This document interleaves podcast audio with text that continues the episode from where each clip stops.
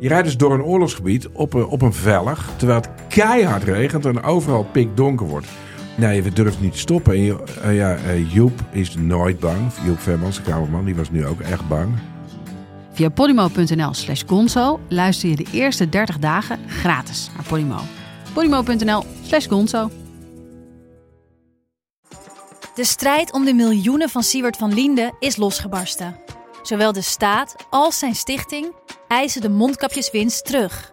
Maar dat die opbrengst in ieder geval niet thuis hoort bij Van Liende, daarover kan toch eigenlijk geen twijfel bestaan. Hoe kon het zo ver komen? Dit is het. We hebben beet. En als Siewert het geld teruggeeft, kunnen wij dit schandaal dan eindelijk loslaten? Je hoort het in de Mondkapjesmiljonairs, exclusief bij Podimo. Ga naar podimo.nl slash mondkapjes.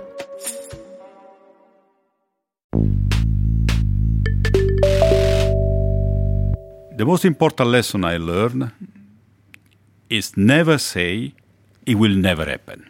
If you have a dream, it will happen. Don't be scared, especially if somebody older than you, tells you, I listened too many times to this story, and it was the young people having the right answer, not the old people. I think for many important reasons, we have partly lost our capacity to dream. And that a little bit explains a little the problems we are having in finding the big next thing. But the big next thing is with us. Dit is Betrouwbare Bronnen met Jaap Jansen.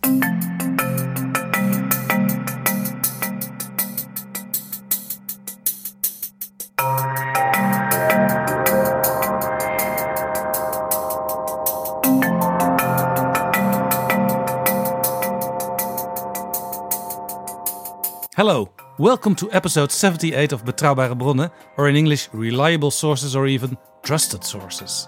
This time I have a European guest, so we will talk English. My very distinguished guest is an Italian European, Roberto Viola, Director General of the European Commission for Communications Networks, Content and Technology, the digital man of Europe. I will have a conversation with him on the progress Europe makes in the digital sphere. Are we running fast enough or in some ways lagging behind? And because this is a Dutch podcast, where are the Netherlands in shaping the digital future? We also talk about geopolitics and about ethical dilemmas. Dit is Jaap Jansen met Betrouwbare Bronnen. Welcome to our podcast, Roberto Viola. Before we start, in your curriculum vitae, I read that you worked from 1986 till 1999, 13 years, at the European Space Agency Yes. in Noordwijk. Norway, yes. And you have some language skills in Dutch. Well, I, I would say I even went into a formal uh, university course of Dutch, but my Dutch is now a bit rust, rustic, rust, rusty. Yeah, rustig in yes, Nederlands. rustic. Yeah. So we shall talk English. Unfortunately, but uh, I mean, uh, if you want, next time uh, with good training, we do it in Dutch as well. What did you do at uh, the ESA in Noordwijk? Well, I, arrived, I was really a boy, I mean, a young, enthusiastic boy looking at space as something I've seen in TV when, uh, I mean, the moon landing, you know, I come from the prehistory in a way. And uh, when I arrived there, was a bit the dream of my life. Uh, I mean, uh, to contribute for something that mankind doesn't know and how to do it. And uh, so uh, I started as a researcher, and I worked in uh, uh, advanced communication system for satellites, for deep space probes. And then uh, I moved into more management positions, looking satellites, how to bring uh, at that time uh, the digital revolution. We were at the beginning of the digital revolution. So uh, it, it it was such an important, refreshing experience. You know why? Because all what we use today, the GPS, I mean, the image compression comes from space. Yeah. Comes from space research. So I was blessed uh, by the possibility to see it uh, 20 years before it really happened. I mean, uh, that still gives me a little competitive advantage. So, more or less, we can say you were at the start of the revolution. in a way, yes, you can say that. I didn't make a penny out of it, but uh, like I mean, those that I mean uh, founded very very important companies. But I was at that start, yes. And what was the most important lesson you learned in Noordwijk? You mean in terms of living in the Netherlands? No, or no, no. I mean, I'm for joking, of uh, you were at the start of the digital era, and now you are the digital man of the European Commission. you know what is the you are you have uh, I think the question uh, the one billion or million dollar question. The most important lesson I learned is never say it will never happen. You know this skepticism, uh, skepticism that is around research, research and development. Uh, I mean, uh, or because it, it is nice in a dinner or in a meeting, say, "Why it will never happen? Don't worry." I heard it, believe it or not, for the internet. Now we we might laugh at it, but I was in a meeting as a very energetic uh, uh, enthusiasm uh, enthusiast about uh, this new way of making connections. I was really part of the team which was testing those connections. And I was called by a board of a very important uh, telecom company to make a presentation. I made my presentation, say this is really revolutionary, and people were quite distracted. You could see, you could tell from their faces and their body posture. At the end of the presentation, the chair of the meeting said, "You say that's fine, but you know, dear boy, we do here very serious things. We don't do the internet." This is literally what I was told. Big disappointment. uh, Internet wasn't a serious thing. no, was considered something for the geeks, something for I mean the, the For the nerds. the, the nerds exactly, something for I mean that uh, really would never change the course of something. And uh, I also remember when a very famous phone company, which at that time was the phone, the cell phone company, you might understand which company I'm referring to in Europe a very important manager told me smartphones will never be on the market. Again, he- we might smile now, but I, I mean, we do serious stuff here. We do good phones. Those kind of things will never be important in the market. So my first point, uh, which I learned over and over, ne- never say never. Uh, never think for a split second that you know what is going to happen tomorrow. Disruption is behind the corner. And the seeds of this destruction we have it in front of us. And most of the time, we don't recognize them. So, in your younger days, digitalization was something for some nerds in the corner of the building. Yes, yes. and now, uh, but now digitalization is everywhere. You, you might remember in the Netherlands there were the computer fairs. Uh, They were going around uh, in various places, and you were going there to buy the pieces of the computer. We were very well at all nerds, but very well attended. And I and I was there with others buying pieces of uh, memories, uh, processor, and assembling computer and uh, making this as a kind of present to the friends. I mean, uh, this was uh, not well, it sounds really long time ago, not such a long time ago, 20 years ago. I mean, so you, it's impressive. I mean, how things moved and moved quickly. I mean, Yeah, I, I remember at the, the weekly where I worked as a young uh, journalist uh, with one colleague. I was the only one who had um, a computer at his desk, and all the other ones used typewriters. Still. Exactly, exactly. And uh, I remember when I was at ESTEC, when I arrived the first word processor, I mean, uh, and the first internal mailing system. It, uh, it was uh, quite quite a thing. And uh, you might remember this big fair in Utrecht at that time. Uh, every every time, I think it was November. I mean, where I mean it was the big thing when and the memory uh, one megabyte of memory was the price was 100 guilders at that time. Yeah. So And, and, and now you buy nowadays you throw it in the waste bin. yes, if, you, if you get exactly, one megabyte. exactly. Unfortunately, Yeah. you throw. You should not throw these kind of things in the waste bin. But this is maybe something we, we will discuss during our conversation. Yeah, yeah. the electronic waste. So never say never. Uh, and I have a long list of uh, people laughing at uh, OLEDs, laughing at navigation, uh, GPS, and then the European navigation, laughing at the idea, as I told you, smartphones, Wi Fi will never be relevant. Uh, the list is very long. Yeah, you you, you talked about uh, the first man on the moon. I remember it myself also. Since then, digitalization has become very huge, but there there are no travels to the moon uh, every month or so. Uh, look, uh, we are uh, we are Mars. an- uh, this is something we did not anticipate. You know, when the men landed on the moon, I remember uh, people were in newspapers and uh, uh, everywhere. When the men will land on Mars, it will be the next one, and then outside the, the solar system. Unfortunately, space exploration turned to be a very expensive hobby for the human being uh, and uh, complicated. And then uh, we had all sorts of uh, energy crises, all sorts of problems with the public budgets. So our space ambitions collectively as world uh, has been starting to scale down. But at the same time, there's been such an impressive acceleration of the digital uh, revolution, which was not expected, not foreseen, which everything has changed since then. But what it, So we can say thanks to the man on the moon, we have the Thanks iPhone. to the man on the moon. Yes, but absolutely. The gyroscope. You know, the gyroscope is the thing that uh, allows you to see the screen in one horizontal or vertical position. This is part of the Apollo mission. I mean, uh, the, the, the idea of the microprocessor.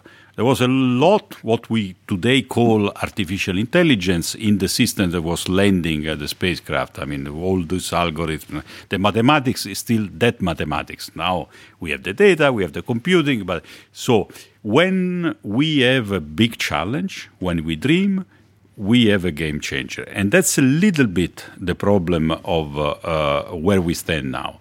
I think for many important reasons, we have partly lost our capacity to dream. Uh, and that a little bit explains a little the problems we are having in finding the big next thing. But the big next thing is with us. That's the other thing. Which, for instance, when you take uh, the idea of uh, having our digital brother, our digital twin, this is, I mean, again, something maybe you don't take me seriously, but I'm sure a few years from now you will do, go to, to your family doctor with your digital brother. And it will be your digital brother, the guinea pig, not you. I mean, uh, uh, so maybe testing something, maybe looking at uh, what is the effect on your uh, genome. Uh, so that's a bit the idea now that we are more and more having kind of parallel worlds, the digital world and the real world, and the two work very nicely together to deliver you an experience in terms of life, uh, which is absolutely unprecedented. This is the next thing after landing on the moon. eh? Yeah. And then uh, when you the digital brother, I didn't think we call it, so uh, we call it in general digital twins. You have an object and you have this digital copy. You have yourself, you have a digital copy. You have the Earth, you have a copy of the Earth. And these are extremely useful twins because you can play with them without damage. I mean, uh, whilst normally it's not that nice when they tell you, well, it's an experimental medicine. Would you like to try it? Yeah, yeah. So uh, talking about a, d- a digital copy of the Earth, uh, I think we can use that uh, while having the new European Green Deal. Absolutely, absolutely.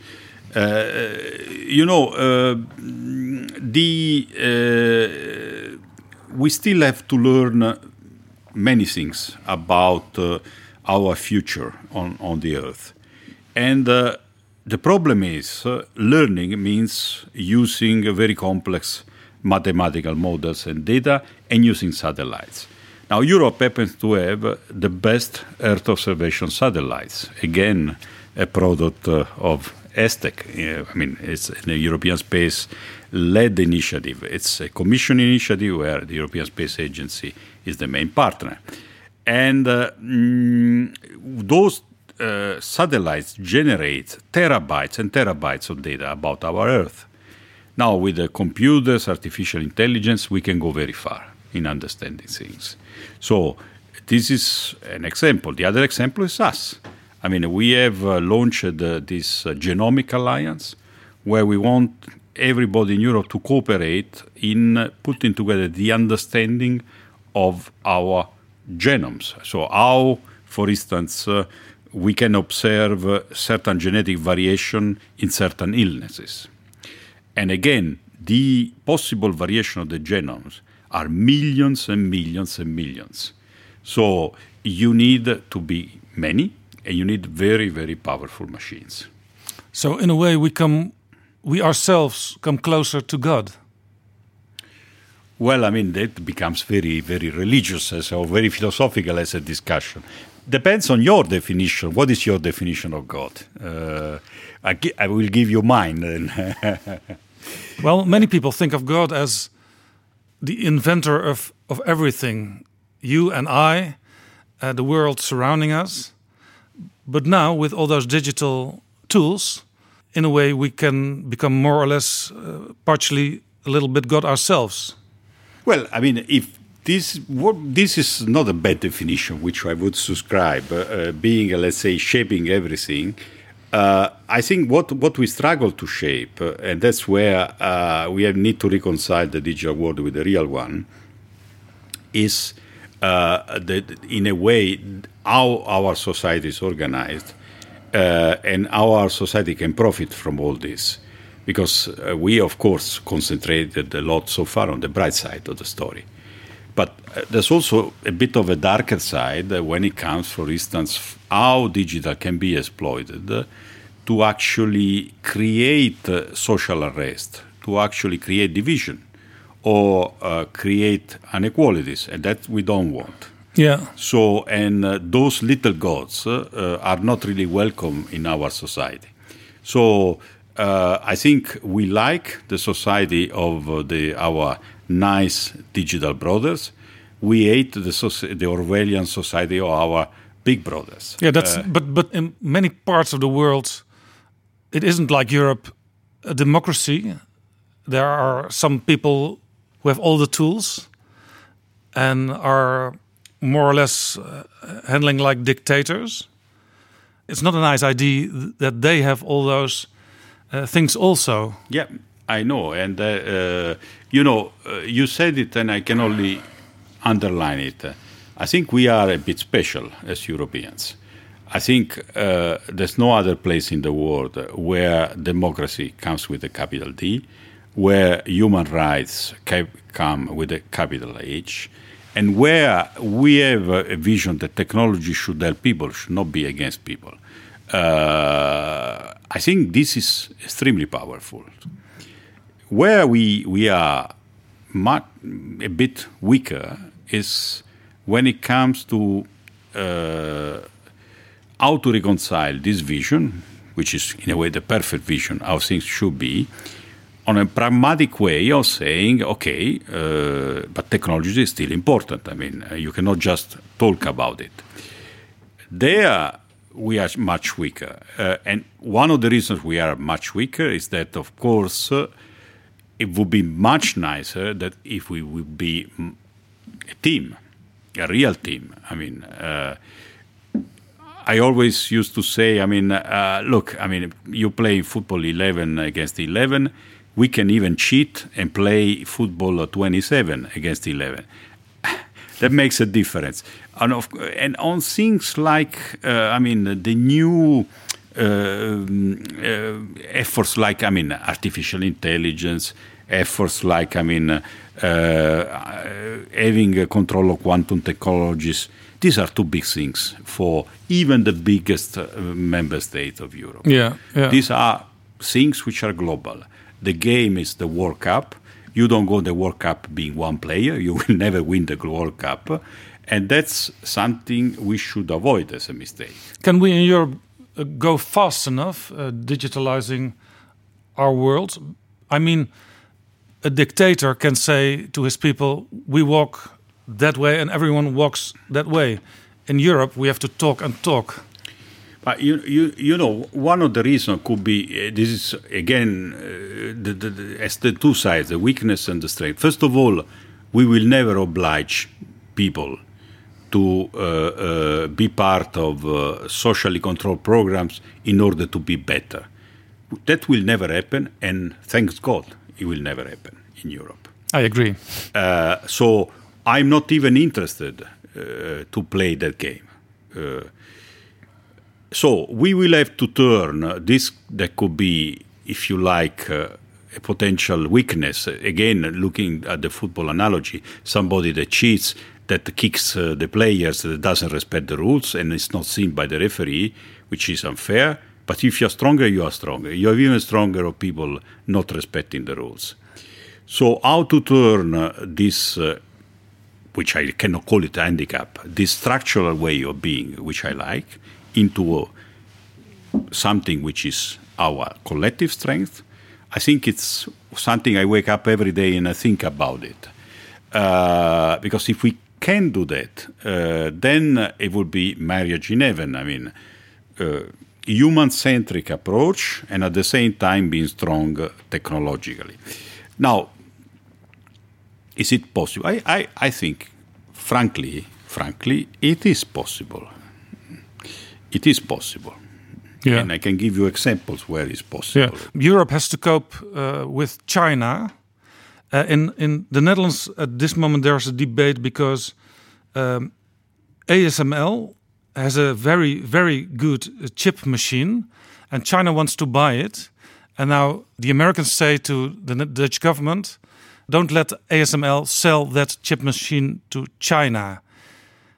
What do you think is the best thing to do? Well, uh, I don't know now the specifics of this case, so I cannot comment this case. What I can say in general is that Europe uh, remains uh, uh open, uh, but at the same time, it's very concerned about uh, guarding intellectual property rights, guarding technologies, and I mean in this respect, uh, we have uh, uh, put in place a trade defense instrument where we are looking at screening. I mean, what can be done, what cannot be done, collectively with the member state. And member states do have also this possibility. So I think uh, more and more Europe will be attentive to two elements which are very important: the security elements. So our systems must be secure our um, resilience must be at the highest possible level. And the other element will be in case of acquisitions, Europe must have uh, the reflex in checking what are the implications. Yeah, so we have to be warned um, that all the things we invent are not are not stolen from us.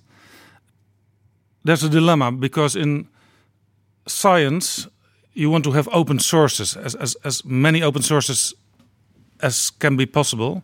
But there's also the thing of um, uh, I invent a thing and others uh, may not copy it for their own use.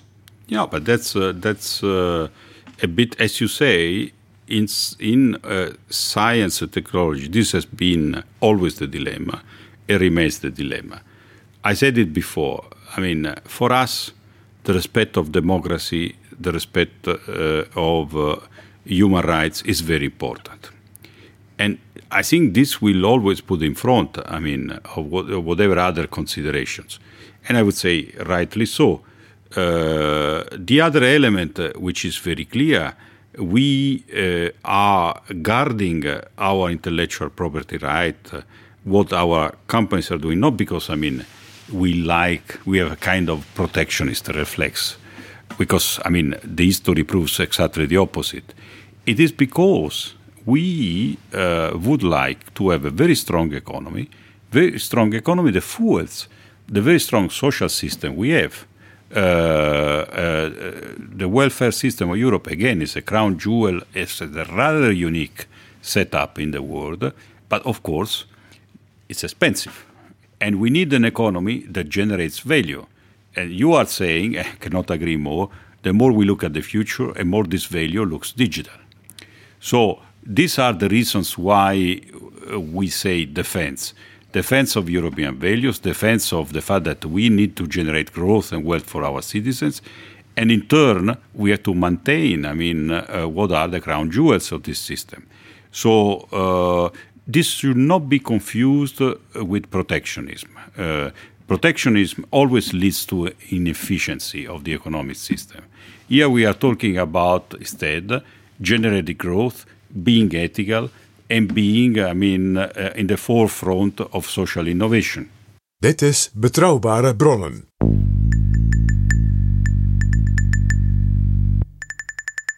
Last week, Angela Merkel, the Bundeskanzler, had an interview in the Financial Times, and she said two things. Europe is no longer at the center of world events, and also Europe must have the crucial technological capabilities. Are we now, in some parts of our digital economy, lagging behind some other parts of the world?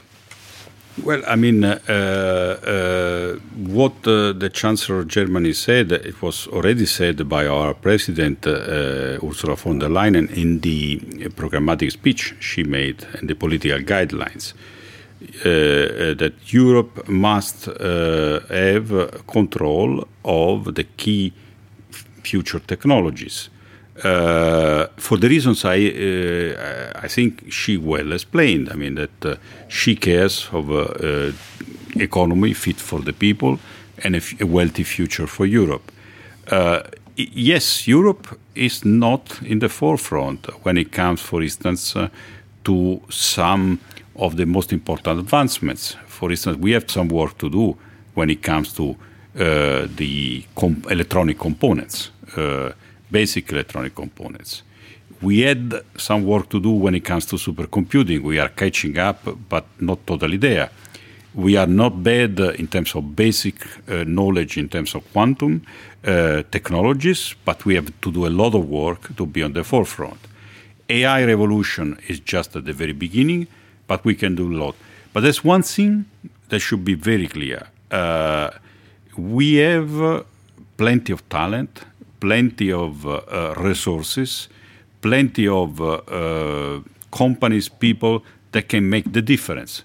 So that, and also one other thing that should be clear: we have still, I mean to see the future. Uh, you quoted the interview of uh, um, the Chancellor. There's an interview of Commissioner Breton that clearly says the future is our end, the data of the future are yet to be generated, we have uh, we have a lot to do and a lot of possibilities and a lot of cards to play. Yeah, yeah, that's Thierry Breton, the Commissioner for Internal Market. Indeed, indeed.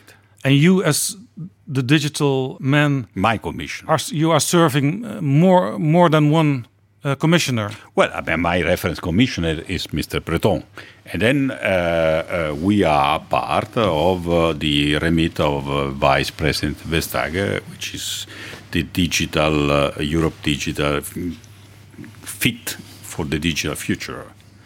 And of course, I mean, uh, we are serving the president. Yeah. My point is this model uh, has delivered delivers a lot for the citizens. It is true that this model uh, might create uh, less revenues or less margin for the telecom companies. And I think, as in everything, we have to find the right equilibrium between, I mean, pushing for the ultimate competition when it comes to prices and services, but at the same time allowing some space for companies to yeah. do the investments. Yeah, to have innovation. And to innovate. And uh, frankly, uh, as in every other jurisdiction, we are always in search of this equilibrium because things do change. I mean, 20 years ago, 30 years ago, maybe the most important thing was to phone, and some geeks, we were saying the geeks, were using internet. Now, for everybody, the most important thing is probably access to the internet. Phone, nice, but I mean, there, there are uh, many other ways. Look at the younger generations. I, my daughter rarely phones. Uh, so things have changed very much. Have we done this adaptation in terms of telecom rules? I think we tried seriously. Last year we had a complete overhaul of uh, the telecom rules, but still uh, there's a long way to go. Dit is Betrouwbare Bronnen, een podcast met betrouwbare bronnen.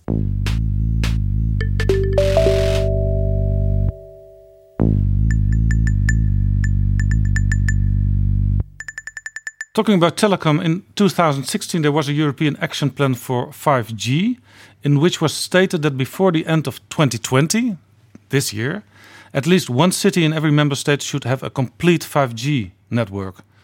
Will you reach that goal this year? I'm afraid we will not. But uh, w- at the same time, uh, we are we will be quite close, in the sense that uh, many important European cities they have 5G. There's 5G in Madrid, 5G in Milan and Rome, 5G in uh, in Berlin. Not So- in Holland yet. Yes, I know, and this is not nice. If you think a second uh, about uh, the Netherlands, I understand that from now on we have to say the Netherlands. Yes, yeah, yeah. That's a new instruction we had from the we government. Call it, we call it the Netherlands. um, if you look at the Netherlands and uh, what we publish every year, what we call it DESI index, where we measure the advancement of the digital society and economy, the Netherlands is, is scoring very well. But if you look inside those numbers, you see that uh, when it's the most advanced well, the most advanced parameters we measure, which is the readiness for 5G, the number of fiber connection, the use of big data by companies, the Netherlands is not scoring well. Oh, The Netherlands has a lot of work to do. I wouldn't say it has been sitting down on the glory and forgetting that eh, again, if we continue using, I mean, uh, sport and football as an analogy, you have to train and uh, get new blood uh, every time. we always think in the Netherlands we are very modern and we are very digital. Exactly. I know, I know, and you're very proud of it. Rightly so, by the way, because also we compare with the rest of the world that the Netherlands is advanced, but you have to look now in perspective. And in perspective, uh, there are some signs which are slightly worrying. The most important one is this delay in, in 5G. Uh, in terms of organizing the spectrum, releasing uh, the frequencies, which uh, uh, frankly sh- mm, that is not good. The other delay uh, it's in uh, getting the possibility for people to have the ultra broadband, the one gigabit uh, per second connections. I think there there's some catch-up work. Uh, also, when it comes, I mean, uh, to use uh, uh, much more intensively big data, to use data. Is there a reason for this uh, lagging behind from the Netherlands? Well, I think I, would say the reason uh, we come back to one of your questions. The reason is that uh, uh, everybody in the Netherlands is very attentive, rightly so, to spending. I mean, being public spending or company investments, and this prudence. It's the wisdom and the strength of the Netherlands, but at the same time can become a little bit uh, uh, the part where you slow down a little bit. So I think overall the system should dare a little bit more. And probably there's also another reason, uh, which is maybe uh, there should be a bit uh, more fluid governance of the digital things. I mean, uh, uh, because as you know, in the Netherlands, it's not the same uh, regulator the spectrum and uh, the rest of uh, the telecom. Uh, which, by the way, the telecom regulator in the Netherlands is merged with the competition regulator. So maybe also this creates a little bit of a slowness in in, in getting decision. The decision of the Netherlands in general are excellent. So I mean, don't get me wrong. Uh, I'm sure uh, uh, the Netherlands will get there. I think it would be better sooner than later. Yeah. Um, in the Netherlands, there's there is a discussion about a um, about a new investment fund with maybe 50 billion euro, maybe even up to 100 billion euro for long-term investments. Uh, can that help a thing Yeah. like uh, 5G? Definitely, definitely. Because if there's something which is long term, but very, very important because it changes the shape of a country, as we were discussing. It's 5G, it's advanced broadband. So these are the things which uh, they have a bit of a dip in cash flows, but then over time they repay. So I think digital infrastructures are a prime candidate for a fund like this. Yeah.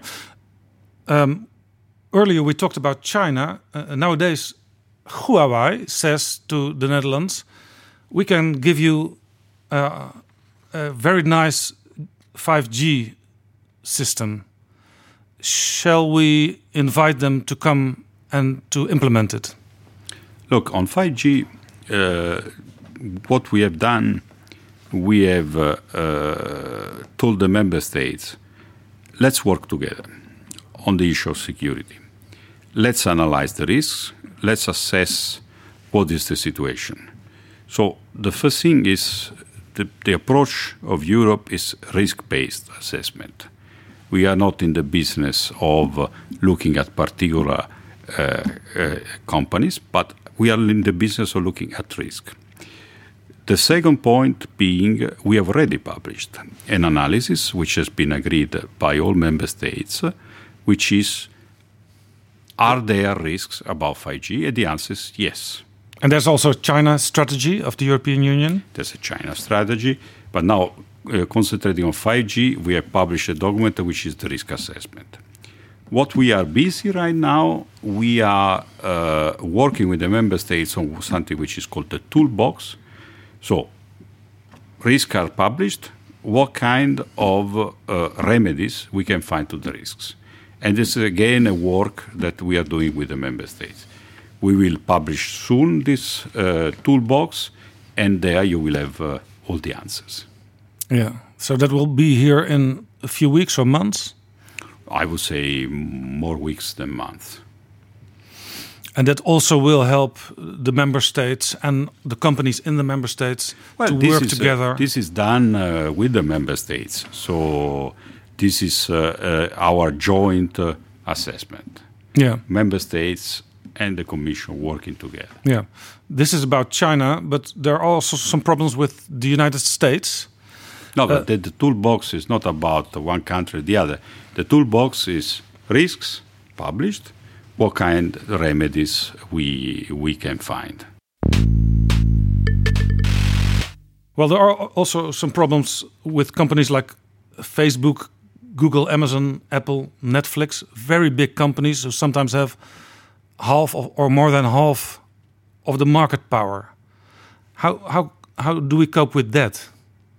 First of all, uh, whoever operates in Europe has to respect the rules of Europe, which include uh, competition law. So you you might have noticed that uh, the European Commission is very determined to make sure that competition law is respected. Yeah, and Commissioner Vestager already has uh, put some fines now, on those companies. And the uh, commissioner, uh, when she was competition commissioner, now she has even a greater role in leading uh, uh, the vice president uh, as a vice president for digital economy and competition commissioner. And the European Commission has always used in the interest of the citizens and a well-functioning market, the powers that are uh, given by the treaty. And as you know, I mean, uh, we have uh, looked very carefully at some cases which are about digital economy, and still there are cases about digital economy. So this is one thing that. Uh, yeah. are, are, are, the penalties high enough in Holland? Um, one of the governing parties, uh, D66, questions that and says the penalties have to be higher. And well, we have to think about uh, three strikes, you're out. If you do wrong things for the third time and get for the third time a penalty, then it's over and done with your company in Europe. I wish life would be uh, that simple one as a sword and it goes around. I mean, first of all, the penalties are high and they can be get even higher. And I mean, there's a, an increasing amount of remedies that uh, competition law allow to be taken. But of course, I said it before and I repeat, we are the land of rule of law. So we have to apply the law, in our case, the treaty, and make sure that all we do is proportionate. Uh, the companies have the right to reply, the right to defend, and when once uh, we have uh, taken a decision, we have to see the effects of this decision. So, of course, you can always escalate, uh, but even more important, I think what we want to achieve is good behavior in the market. That's why one thing is uh, the competition power, the other one is the possibility also, which has the Commission, to propose rules and then for the European institution to adopt rules. Important rules we have adopted in Europe are the so-called uh, platform to business rules, which is a regulation that speaks about the fairness which platforms should have towards businesses, especially small businesses. And there, uh, this is a very new regulation. We have said many things, like, I mean, if you are a small business, you need to be informed. Contractual conditions cannot change overnight and you are not informed. If, uh, I mean, uh, the business relationship uh, you, uh, changes, you should have your say. Uh, you should have your say about how your trade data are treated. You should have a place to complain. You should have access to justice uh, in Europe in an effective but not very expensive way if necessary. So uh, these are things which are in this new regulation. So one thing is the market force. The other thing is also how to behave on the market and how to make sure we have a good equilibrium between the small and the big. Is it still possible to produce a European equivalent of companies like Facebook, Google, Apple? Yes, why not? I mean, why not? Uh, the we said it at the beginning of this very nice chat. Uh, Europe was a bit slow in recognizing the strength and the transformative power of the internet, slower than clearly the US. And uh, what uh, what happened is that uh, in a, in especially in, in, the Silicon Valley, there was a fertile ground for entrepreneurs to launch their ideas. Now, uh, we are at the beginning of the digital era. We are just at the beginning. Uh, we ain't seen nothing yet. I, we have seen very little, frankly. Uh, people will laugh when they will see our phones or our bulky thing for uh, virtual reality in 100 years from now. Uh, uh, so this will be pieces staying in a museum, and there will be something else. And uh, on this something else, I'm sure, I'm sure that uh, there will be a European contribu- a very strong one. So the stories here to be written. I mean, yeah. Uh, one of the problems in in cyberspace are the cyber attacks.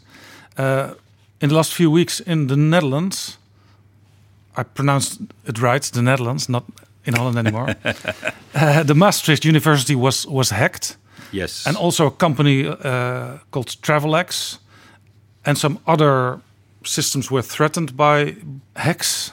That's a very strong thing if you cannot use your university uh, equipment for two weeks or so. Indeed, my, my daughter studied at Maastricht University, Ah, by the way. congratulations. it's a very nice uh, city and a very nice university. And I, all my solidarity to the university and the companies which are affected by this. It's a very, very, very, I am saying very five, I should say 100 times, very important problem for Europe, for the world, for the world that uh, cares about, again, uh, protecting companies and citizens, because uh, the more we are a digital society, the more we are exposed to this kind of risks. And we are a little bit kids in this. You always remind kids to, to do certain things, uh, to avoid to do certain things. And here, again, we are at the very beginning. Uh, people, that's what are called. Sometimes we still have the password from 10 years ago. Exactly. And- I was about to say. The same password for everything. Yeah, or the dog is the password, or or, or whatever. Uh, even I mean uh, the, the name of the daughter or, or the wife. I'm not suggesting that you that the people listening we should put this password. on the contrary, Uh, so what this is My, what my mother call- always uses her very first telephone number. Ah, okay. okay. Look, uh, um, we call it a cyber hygiene. So people know that they have to wash their hands. People should know the same type of precaution should be taken in the digital world. People should know, should not trust whatever email arrives to them. Yesterday night, I got an email so I normally should be considered a, a, a very savvy cyber expert. You haven't paid this bill. And my first reaction was about to open the, and there's an invoice attached. And it was exactly company I paid one month ago uh, with very credible information. And I got upset because I said, come on, I paid. So what, I was about to click, and then I said, let me check. And below the name, there was an email address which not was not there. For that company had been hacked, took my email, the information, they engineered an email to me which was absolutely credible. So that's the problem. This is called social engineered attack. Uh, they are becoming, uh, these criminals, much more sophisticated. They combine knowing what you do with your digital habits. So that's the first defense can only be us. I mean, being savvy, changing the password, looking at what we open, uh, making sure that uh, we use files only from trusted sources Yeah. and protect our devices. This is the first thing. But this is not enough. When I look in my spam box of, of my mail at this moment, I see six mails. They are almost all phishing mails. Yes, yes, but and uh, Luckily, they are in the spam box. yeah, but sometimes uh, they they are not intercepted. So this is the first thing: being much more savvy ourselves. Then, I mean, uh, for companies, is to develop a corporate culture about cybersecurity. Cybersecurity should be a C-level worry. There must be a plan. There must be, I mean, expertise, and it can. We, we, they, managers cannot close their eyes. It's a risk that uh, must be taken into account, uh, and then for public organization, for countries, uh, and here we come uh, also as European Commission, we must uh, really be sure that we have a system in Europe uh, that cooperates. Because, I mean, one of the most important things in cybersecurity is that there should be a fast exchange of information. It's, it's go- we are under attack. So that the attack does not propagate. It's a little bit like a virus. I mean, if you don't know, then things spread very quickly. If you know, you start to take Yeah. measures. So knowing is acting, uh, and that's where I mean uh, we have been working. Uh, the, there's a directive which called NIS, uh, Network Information uh, Security Directive. But I mean, this is just the beginning of working together. Uh, so we must be much more attentive, and this is about the criminals. But also there's another dimension, which is there are state actors which have an interest to attack uh, European interest uh, or assets, and this also we must be very careful, very attentive. Yeah, yeah. Uh, you talked already a little bit about artificial intelligence in the mission letter of the new commission. It's it's also being talked about artificial intelligence and about looking at how we can use and share non-personalized big data to develop new technologies and business models. Does it mean that also businesses should hand over their big data for the common good? It doesn't say that the the, the, mission let. I think on uh, on on on on data artificial. That's why I ask it. Yes, no, no, indeed, and, uh, uh, that's that's where we, we need to to to have uh, a very clear line. That's why, I mean, on uh, data and artificial intelligence, we will uh, say very clearly in the coming weeks uh, what the Commission thinks about how, I mean, uh, data should be managed in Europe. This was announced by Mr. Breton. Uh, what we will happen uh, in terms of uh, or what we think about how we want to approach the issues about artificial intelligence, and also this to start uh, a dialogue with everybody interested that, that uh, can give us a little bit of feedback. So uh, these are issues where it doesn't make any sense that uh, I mean uh, Commission takes some sort of resolution alone in isolation.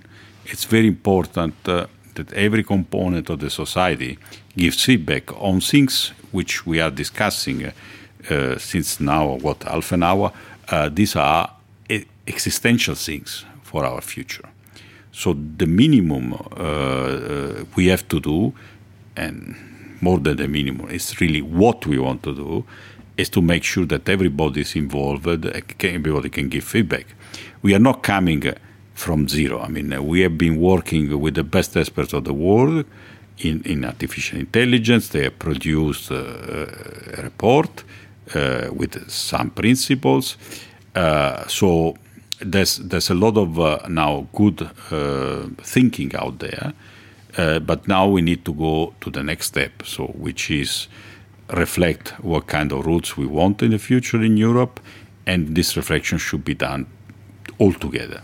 Yeah, another thing, many companies in Europe are struggling to hire new uh, ICT staff. What's the solution to this problem? companies need more digital skilled uh, personnel, but Absolutely. there isn't enough of it. Uh, this is an this is something which you know I call it uh, the, one of the biggest European paradox. The paradox being, especially in South Europe, in Spain or in Italy, uh, you have many people without a job. So the level of youth employment you take Spain is above twenty percent.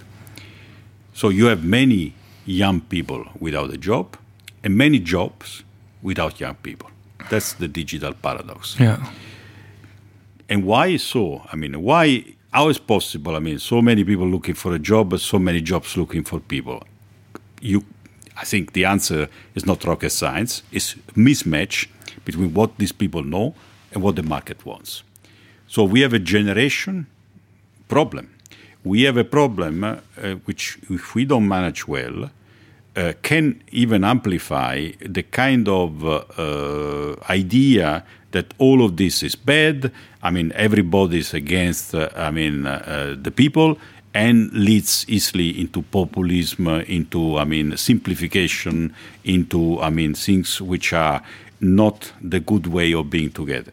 So we have to be sure that this generation is not a lost generation that this is a generation uh, that really can enter the job market. So here we come uh, skills, skills, skills, and skills. Uh, we need to make sure that the education system adapts to the new need. Uh, primary education, secondary education, uh, universities. We need to make sure uh, that people understand it. I mean, so talking about generation, this is a generation project, but it starts with, uh, I mean, some issues which we cannot delay anymore. And this also applies to companies. I think it's too simple and, and too unacceptable, if you like. I have a new technology. I have, uh, I mean, uh, a kind of margin to make, so I fire the people. This is uh, cheap, wrong, and this is not showing good corporate responsibility. Uh, I think what should be the reflex is that every company should uh, be much more committed in retraining, training on the job, letting people acquiring digital skills. Uh, it's in the company's interest, in the society interest. Yeah. So sometimes that maybe they forget that that it is in the company's interest. Yeah, but this is uh, this is what we were saying. I mean, people not seeing the future in terms of uh, technology. There's another very common thing that happens that people don't see when something leads to self-destruction or leads leads to destruction of value, which uh, uh they will never get back. Uh, there's been there have been tensions in in Benelux in general, not only in the Netherlands, about the banking sector. The banking sector, uh, and this is an important sector. When you look at the middle class, it's an important sector. So if you start hitting the middle class, you will have less people going to the bank. You will have, uh, in general, a poorer society. So, uh, and this is not just the responsibility of governments, it's the responsibility at large of uh, governments, uh, businesses together. And the digital transformation is not an easy take because you, you might say, yes, but I mean, others in the world are advancing. What shall I do? Uh, so I understand that. Uh, that's why, not being easy, one should not lean uh, for easy non solutions. I mean, so I think the right approach to skill is uh, uh, be serious at all level and be serious also inside companies, not just Yeah. in uh, as a public task, because this is not just a public task. Yeah. So in in the in the digital world, there are more jobs than skilled people for the jobs. For many many decades, people also think, well, digitalization leads to uh, robotizing and leads to jobless growth. Is that true? Uh, no. Uh, the, the simple answer is no, and now I try to give you a more sophisticated answer. Uh, if uh, you look at uh, what we were doing, how we were producing things 200 years ago, many of the things were manual, not really precise as products, not really safe. Uh, and imagine one would have said, uh, I mean, this is the end of the work because the machines are coming things will improve. And by the way, you will not work anymore 14 hours per day, but only 8 or 10 per day. Ah, not possible. This will be the end of this society. So the society is transformed in a society that makes, in general, safer products, and people are treated more humanly Yeah. And we live longer. and we live longer. Now, I don't think in the constitution of the world, in the constitution of Europe or the Netherlands, it's written that you have to work 40 hours per week. No. Uh, you might work a bit more, a bit less, but uh, so And, People- trade unions have struggled to to get the the eight hour working day. Yes, but you know, you know why? Because I mean, of course, it doesn't matter how long you work. What is really important is your productivity, and why is so important for And us your well-being. And your well-being. But the two things in Europe, uh, we said it before, are very much linked. Because your well-being also, uh, if we exclude those people which are enormously rich, is normally also Yeah. linked to the functioning state. So in some ways, it's nice that some things are robotized. voila for for many reasons the first reason i don't think we should uh, ask human being to do dangerous things if it comes to cleaning a, a, chemical tank i think it's better we send a robot i don't think uh, all the jobs with, that are today uh, offered on the market are really that human. I mean uh, it's much better than it used to be but it could be much much better. So robotizing job means more respect of the human being. And that's a very important step step. The second step is to say look our society is becoming more productive uh, thanks to robots we can work a little bit less have you seen uh, the new uh, finnish prime minister which she was by the way the it and telecom minister before Yeah. she's thinking about uh, reducing significantly the working time. So, uh, is it that dairy? I mean, uh, well, I mean, if the output is the same, why not? But that, by the way, generates more jobs because if people have more time, they go into leisure activities, tourism. For instance, you have seen the explosion of tourism, which is one of the big assets of Europe they go in social activities. And you said it before. And by the way, since all becomes a bit healthier, and also the way we work, we live longer. So the silver economy also becomes bigger. Yeah, and you have and when you have more leisure time, maybe your creativity grows. Exactly. So then maybe maybe also you are uh, uh, with tasks which are a bit nicer uh, than simply, I mean, uh, uh, doing repetitive jobs. And nice could be also technologically advanced. The two things are not in contradiction. We have a prize which is called STARTS, st- uh, which stands for Science and Technology and Art. And every year we give a prize, I mean, to something that uh, uh, gets together high technology and art. Sounds nice. Very nice. And last year, a, a Dutch startup won this prize, and they won it for a bridge which is built through a 3D printer.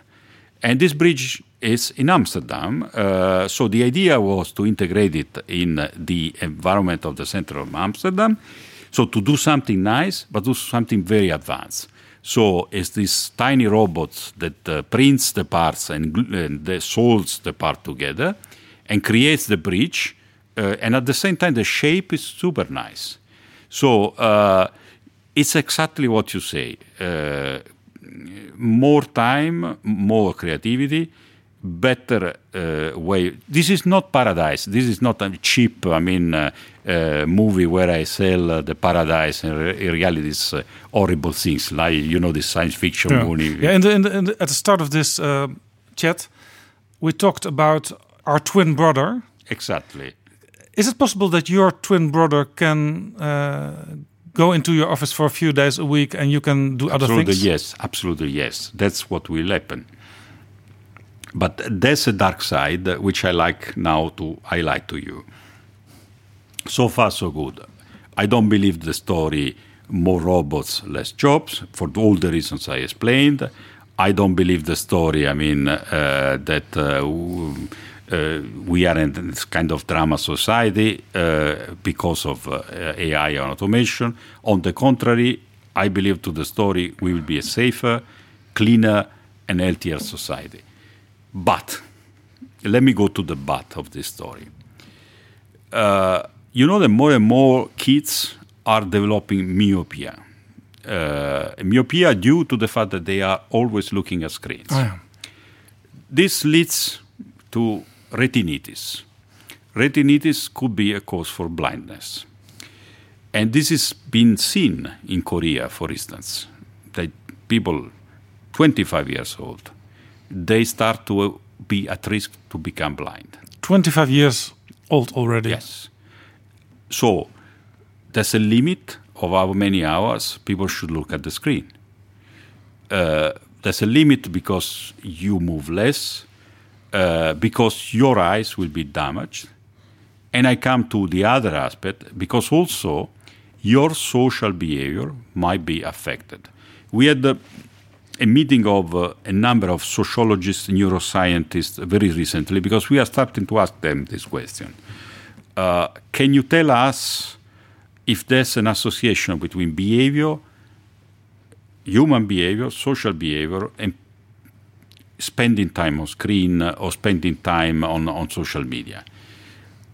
And definitely, definitely, we start to see that this association is there There is. in terms of, uh, for instance, again, talking at young people, uh, behavior which can be more or less aggressive towards the others, behavior that must be more, more or less paranoid against what's going on. So we have uh, a, a plague, which is a plague, a modern plague, which is the plague of disinformation. Uh, and this is due to many reasons. One reason you might be pleased to hear is that people like you, professional journalists, should be valued much more in our society because nobody uh, is uh, uh, a journalist without having a profession. I mean, not the, the fact that you publish a blog post and email doesn't make you a journalist. I mean, uh, and this should be recognized by society. So the absence of enough, giving enough value to professional journalists is one of the problems. But the other part of the problems is also the behavior of people towards all this. Uh, we are we are not. I mean, when we look when we interact, social media are also nice because, of course, you can participate more to the democratic life. You can vote in your community or things you like. yeah, you and social like. media uh, not only help uh, the, the the normal citizen, but also the journalists themselves. Absolutely. So the way it should be for me is that uh, this is a mean, this is a tool to be better together, and it might be a fantastic tool, by the way. But when you you eat popcorns in front of the social media, you think you are in a kind of horror movie, and re- in reality is the life. Then things start to be distorted because in an horror movie you want to be impressed. I mean, you want things that shake you up. You don't want to listen Yeah, to this for boring one and a half hour. conversation that uh, we are having. Uh, I'm not suggesting you listen, uh, uh, you go to the movie instead of listening to us. But what I'm trying to say is that uh, entertainment is based on creating, uh, even, well, technically speaking, false emotions. I mean, because what you see is not real. And this is the problem right now. I mean, that there are people out there, some people out there, that exploit this idea of emotions, this idea of creating panic, fears, for a clear political purpose. Yeah. So, uh, and there's no easy uh, uh, solution. I yeah. mean, so we're now we're talking about disinformation and about intervening in election processes. Exactly, exactly. So we have been doing a serious work. We continue. We uh, have uh, Vice President Jourova and the European Commission, which has this task to look at democracy and how to combat disinformation. In the previous commission, the, commission has done a work with a group of experts that came with this kind of conclusion. It's not an easy subject. There's not a magic wand. I mean, we cannot say in The Hague uh, you, mm, the Dutch government creates the Ministry of Truth. People, will, of course, laugh or be scared. Yeah, many people will say, "Go away and stay away." Exactly, because we don't accept anymore inter- to be intermediated. I mean, soon we will not accept that the pilot uh, flies the plane. I mean, we will do a kind of uh, who wants to fly. I mean, uh, so. Uh, but this is, I mean, this example, everyone understands that they should be professionals. Uh, but the same is true uh, is true for the information. I mean, uh, a, a journalist is not somebody that hides the truth. Is a mediator. Is I mean, gets things organized. Is the pilot of information. I mean, uh, but then of course we fly all together. Now, my point being, uh, one of the fundamental uh, ways of combating disinformation is that people understand themselves what is their behavior, what is true, what isn't, or how to navigate, which is something we have been trained at school for what for printed books. I mean, we know the history has been manipulated in the past.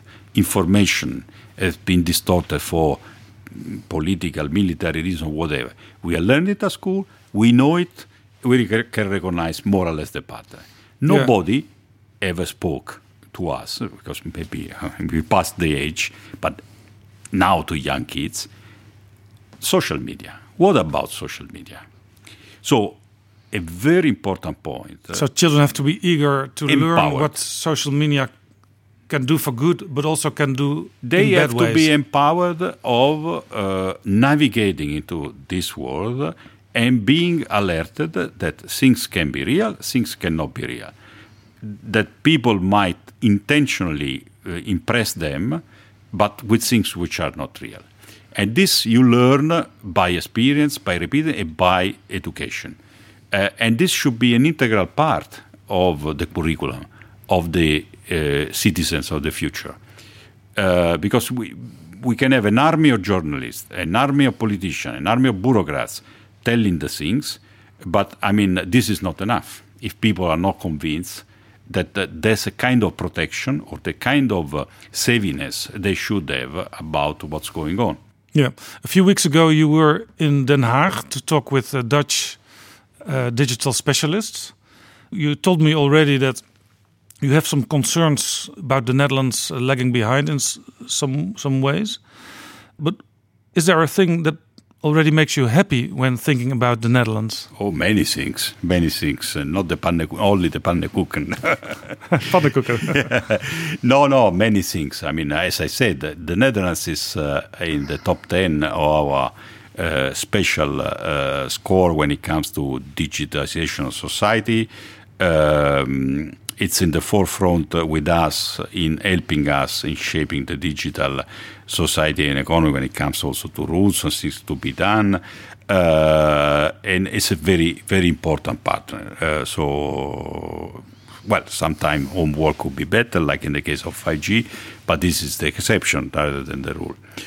Uh, what I think it's important uh, is that uh, um, Netherlands, other member states, Europe uh, in general realizes that uh, we have now to invest in our future. I mean, uh, because we talk about many things, but the bottom line being, uh, as always in life, you can dream of a beautiful new car, but I mean, if you don't have the resources, you will never get there.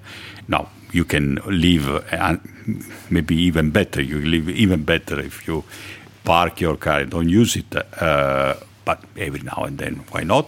But uh, point being, uh, our digital ambitions, our ambitions of having a more modern Europe, a better Europe, that's a part which is also about spending a little bit uh, some good euros together. Now, I know that this is uh, a very difficult discussion in the Netherlands because basically, if I can simplify this discussion, seen from what I heard from many Dutch friends, uh, we don't want to pay for the inefficiencies of Europe. If Mm. I can put it uh, as a kind of bottom line. Yeah. Uh, we, we, we, we, we would like to pay for technology, but not for bureaucracy. Yes, which is correct. I mean, uh, uh, and I and I fully understand.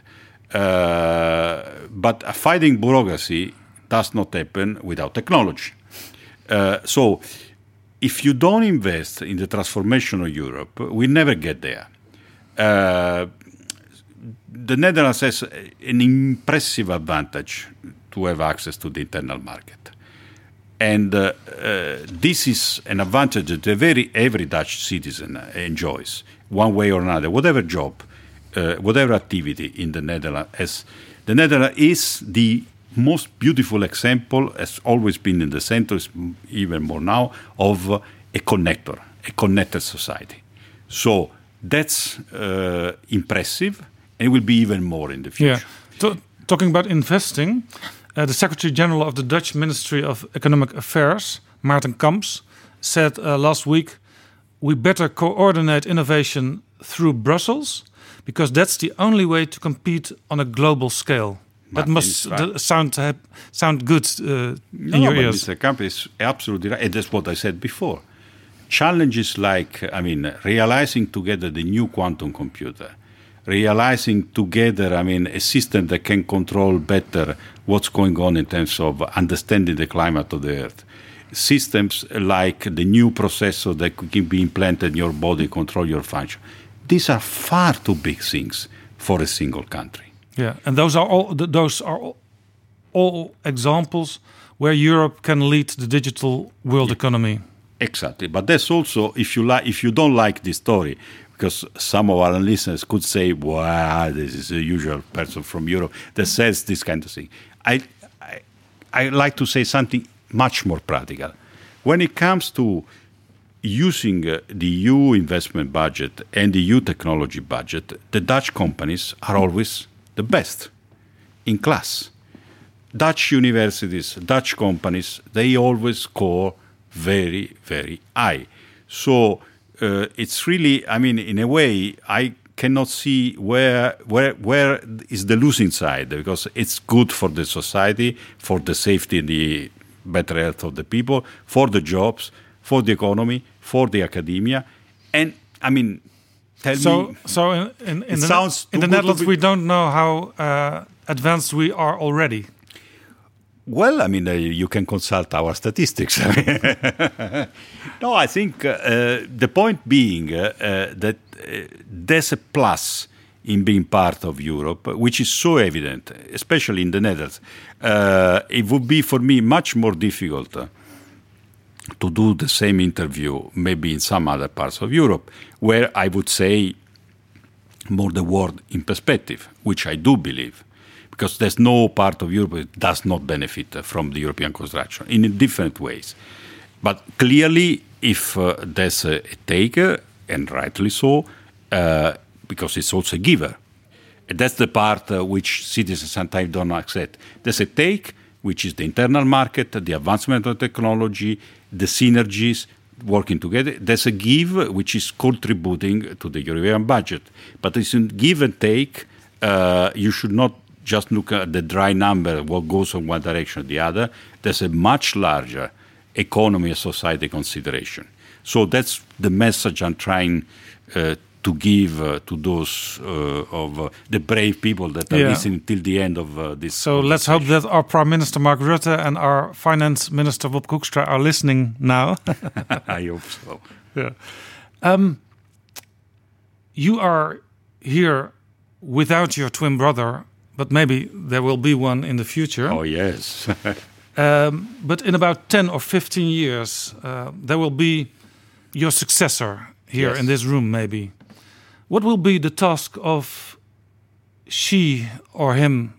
The I main hope- task. I hope uh, it will be a she. Uh, uh, difficult to say. I mean, uh, I think to uh, my predecessors of 10 years ago, you have seen maybe the pictures, I mean, uh, of those people working in my office.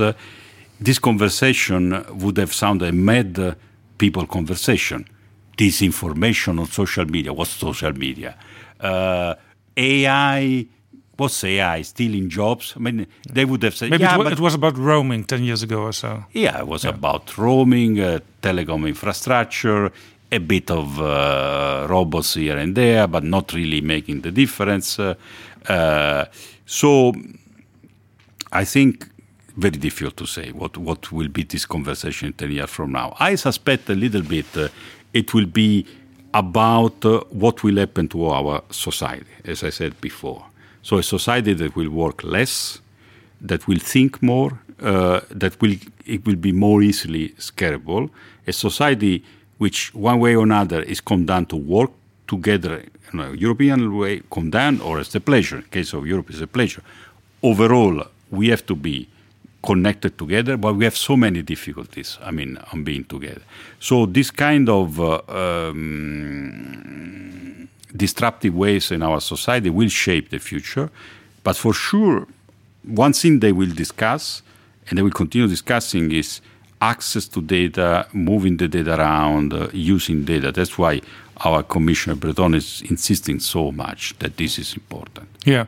And maybe your message for our listeners, and especially maybe for our young listeners, is keep on dreaming and try to implement what you dream about. Absolutely. This is a strong message, and I can.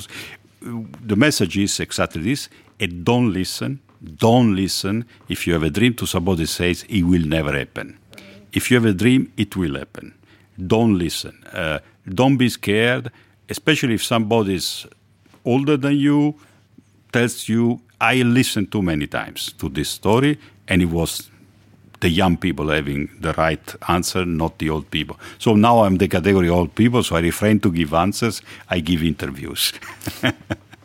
Roberto Viola, thank you very much for having this conversation. Thank you very much to you. Thank you. Thanks a lot.